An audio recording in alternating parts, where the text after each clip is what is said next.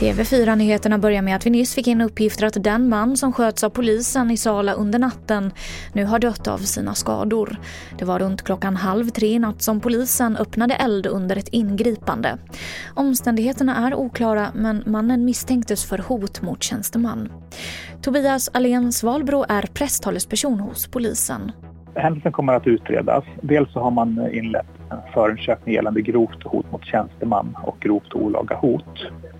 Händelsen är även anmäld till särskilda utredningar och det görs enligt rutin.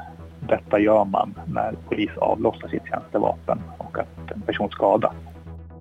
Omkring 1000 anmälningar om falska fakturor från företaget Billpay har kommit in till polisen på mindre än en månad. Detta rapporterar SVT om. I utskicket bifogas hot om stämning om fakturorna inte betalas men det står inte vad för köp det handlar om. Tre män är häktade och misstänkta på sannolika skäl för grovt fordringsbedrägeri.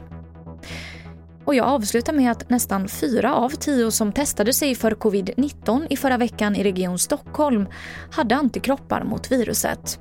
Och det här är en kraftig ökning jämfört med november då nära tre av tio hade antikroppar.